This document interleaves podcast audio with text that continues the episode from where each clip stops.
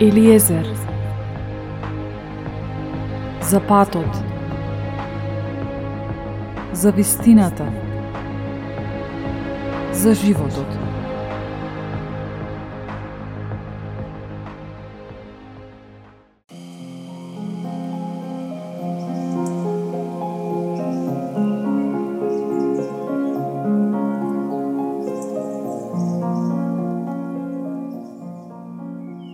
Драги мои, со секој изминат ден нашиот ум добива и прима нови информации. Меѓу тие информации е и избогатеното знаење како да го обновиме нашиот ум. Патот е долг, но нема застанување. Па така и во ова седмо издание ја полниме корпата на мудрости. Па, штом сме расположени за промена, започнуваме.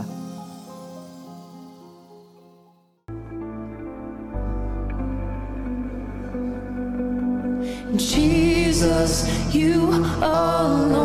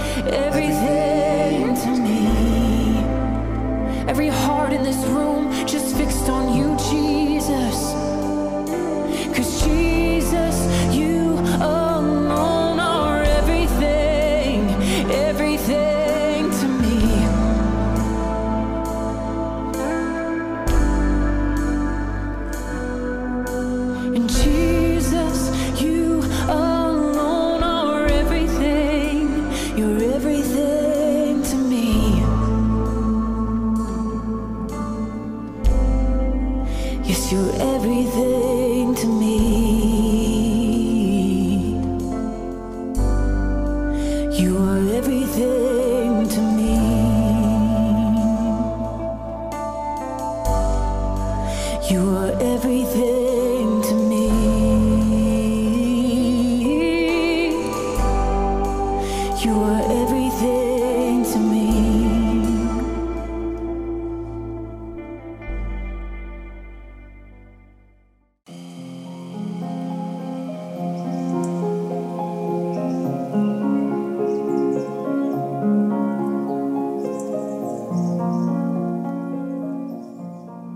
Трансформацијата е нешто величествено и значајно. Трансформацијата представува преминување од темнина во светлина. Трансформацијата не е само замена на стари начини на однесување со нови, или пак дополнување на листата што треба, а што не. Трансформацијата е преминување од робство во слобода, како што укажува Божиот збор во послание до Римјаните 8 глава зашто законот на духот на животот во Исус Христос ме ослободи од законот на гревот и смртта.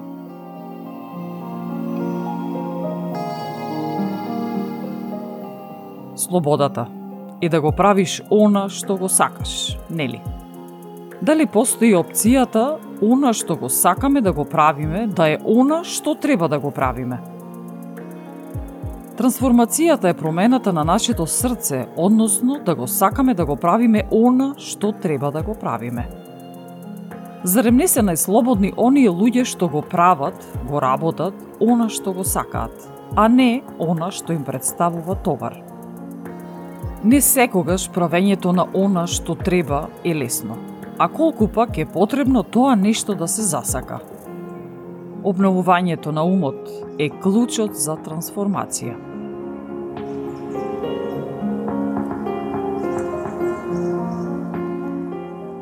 Што е погрешно со нашиот ум, па да треба да се обновува?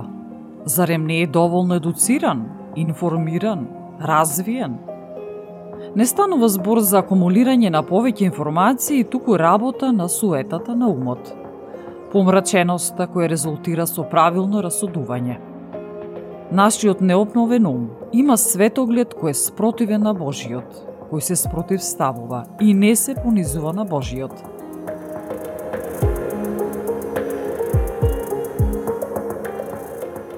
Необновениот ум е далеко од Бога.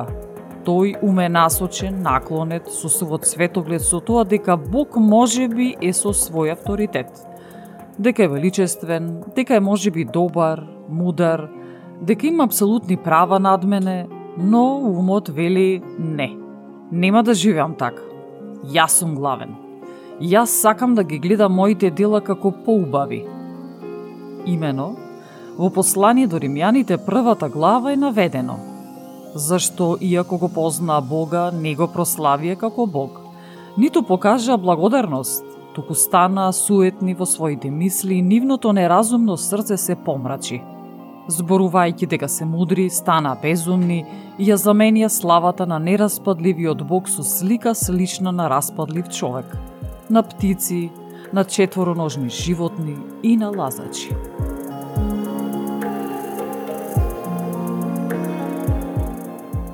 Како да се избегне егоцентричноста, суетата, бунтовноста против Бог?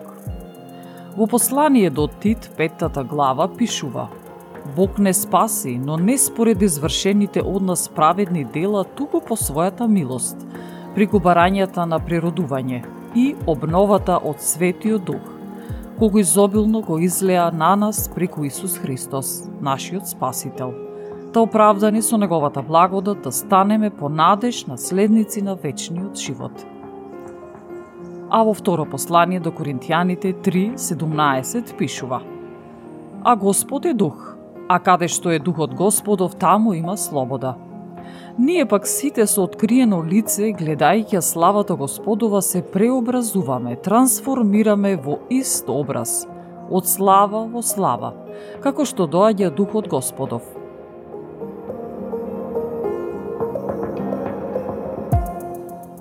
Така што треба да му дозволиме на Светиот Дух да не променува однадвор и однатре однадвор ставајќи ја пред нас вистината за Христос, а одвнатре дозволувајќи му да ни ги омекне стврднатите срца, за да се понизиме, за да не бидеме возгордеани.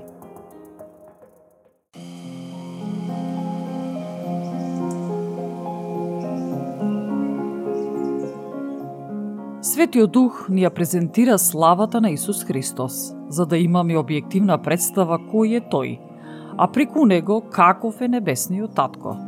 Не по случајност Исус Христос ни рече Люби го Господа својот Бог со сето свое срце, со сета своја душа, со сиот свој разум и со сета своја сила. Кој влијае на заслепување на нашиот ум? Дјаволот, како што пишува во второ послание до Коринтијаните 4.4. Ним Богот од овој свет им ги заслепил умовите нивни, за да не ги осветли светлината на благовестието за славата на Христос, кој е образ на невидливиот Бог. Затоа, заедно со Светиот Дух да се стремиме кон вистината, кон Исус Христос.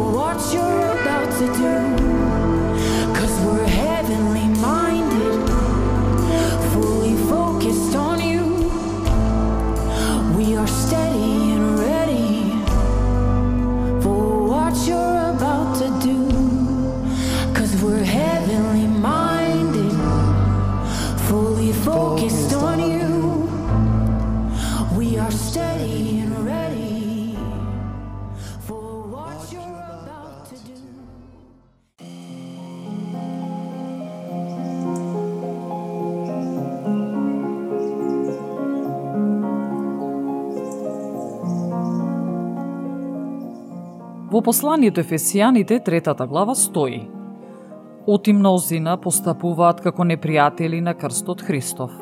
Нивниот крај е погибел, нивниот Бог стомакот, а славата во нивниот срам. Тие мислат за земни работи. А нашето живеалиште на небесата, откаде што го очекуваме и Спасителот нашиот Господ Исус Христос, кој ќе го преобрази нашето понизено тело така што тоа ќе стане подобно на неговото славно тело, со силата преку која што он може и да подчинува под себе се.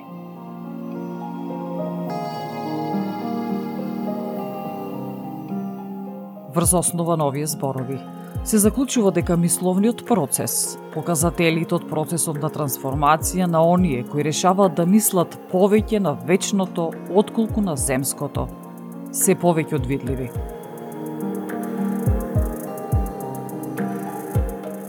Во Евангелие според Матеј 16 глава пишува – Од тогаш почна Исус на своите ученици да им открива дека он треба да отиде во Ерусалим и да пострада многу старешините, прво свештениците и книжниците да биде убиен и на третиот ден да воскресне. А Петар, како го повлече настрана, почна да му говори зборувајки. Биди милостив кон себе, Господи, тоа со тебе нема да се случи. Но Исус се заврти и му рече на Петар, Бегај од мене, Сатано, Ти си ми соблазан, оти мислиш не за она што е Божио, а за она што е човечко.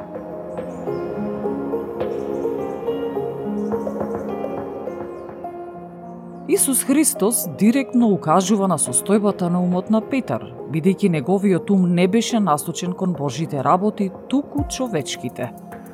Човештвото без Христос во центарот е еднакво на човештво кое е демонско по природа не постои сива област, туку црна или бела. Дали нашиот ум е насочен кон Божите работи или работите на светот? Исус Христос говори, ако некој сака да врви по мене, нека се одрече од себе, да го земе својот крст и да оди по мене. Зашто кој сака да ја спаси душата своја, ќе ја загуби. А кој ќе загуби својата душа заради мене, ќе ја најде. Оти каква полза е за човек ако го придобие целиот свет, а на душата своја и на пакости? Или каков откуп ќе даде човек за својата душа?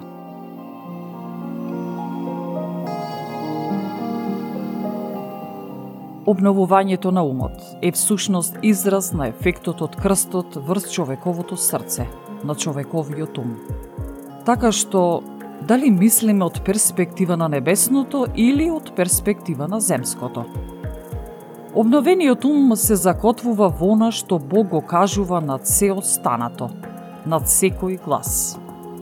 Како што пишува во изреки, секој збор од Бога е чист, он му е штит на оној што се надева на него. Не додавај кон зборовите негови за да не те разобличи и да не излезеш лажливец.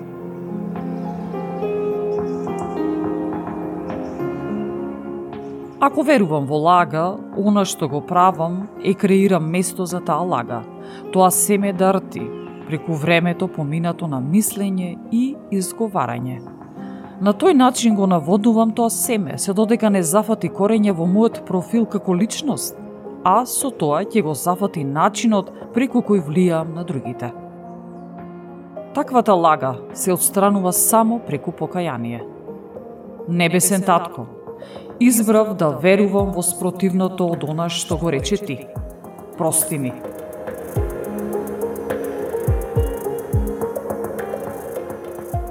Треба да сме свесни дека ѓаволот води војна со таа лага против мојата душа.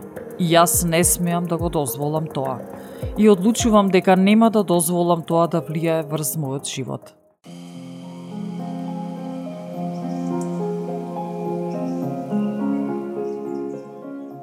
Обновениот ум не позиционира да ја видиме сферата на чудата.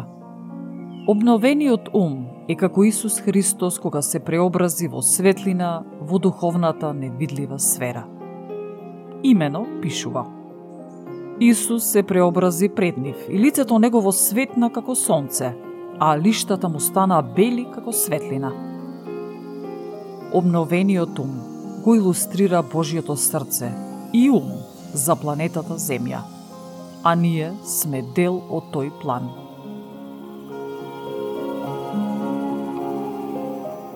Обновениот ум е чувар, стражар на небесната активност тука на земјата.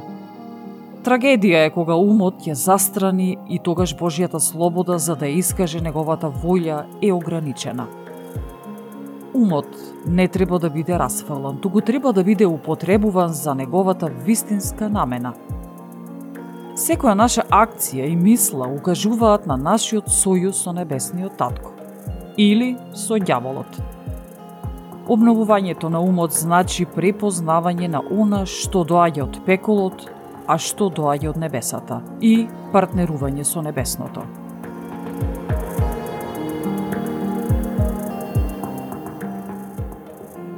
Небесниот татко го дизајнира нашиот ум да биде една од најмоќните надприродни алатки во универсумот – но мора да биде осветен преку Светиот Дух за да го прикаже дизајнот на Небесниот Татко и неговите идеи.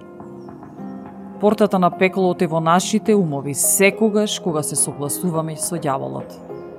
Со тоа ја поттикнуваме и поддржуваме човечката мудрост што не го познава Бог. На тој начин му дозволуваме да краде, убива и уништува. Во Матеј 16 глава стои На тој камен ќе изградам црквата своја и вратите на пеколот нема да ја надвладеат. И ќе ти ги дадам ключевите од небесното царство. И што ќе сврзеш на земјата ќе биде сврзано на небесата, а што ќе разврзеш на земјата ќе биде разврзано и на небесата.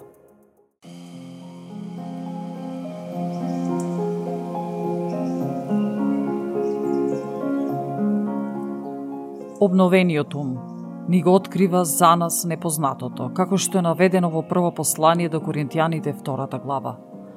Што око не виде, уво не чу, ниту на човека на ум му падна, тоа Бог го приготвил за оние кои го сакаат. А нам пак ни го откри тоа Бог преку својот дух, зашто духот испитува се, па дури и длабините Божи.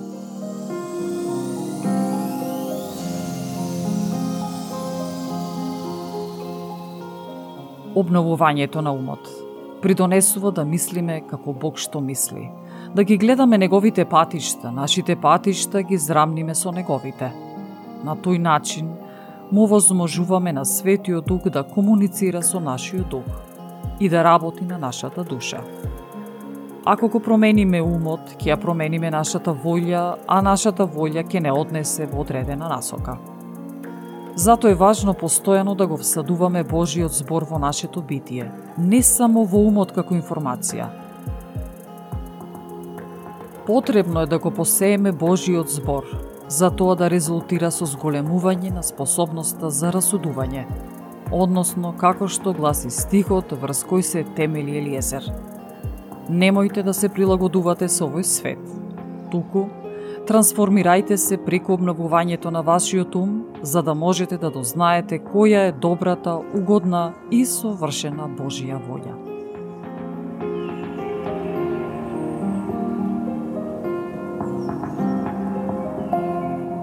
Ја следевте мисијата Елиезер со Елена Ѓорѓевска Костадиновиќ во соработка и под покровителство на Исус Христос и Светиот Дух.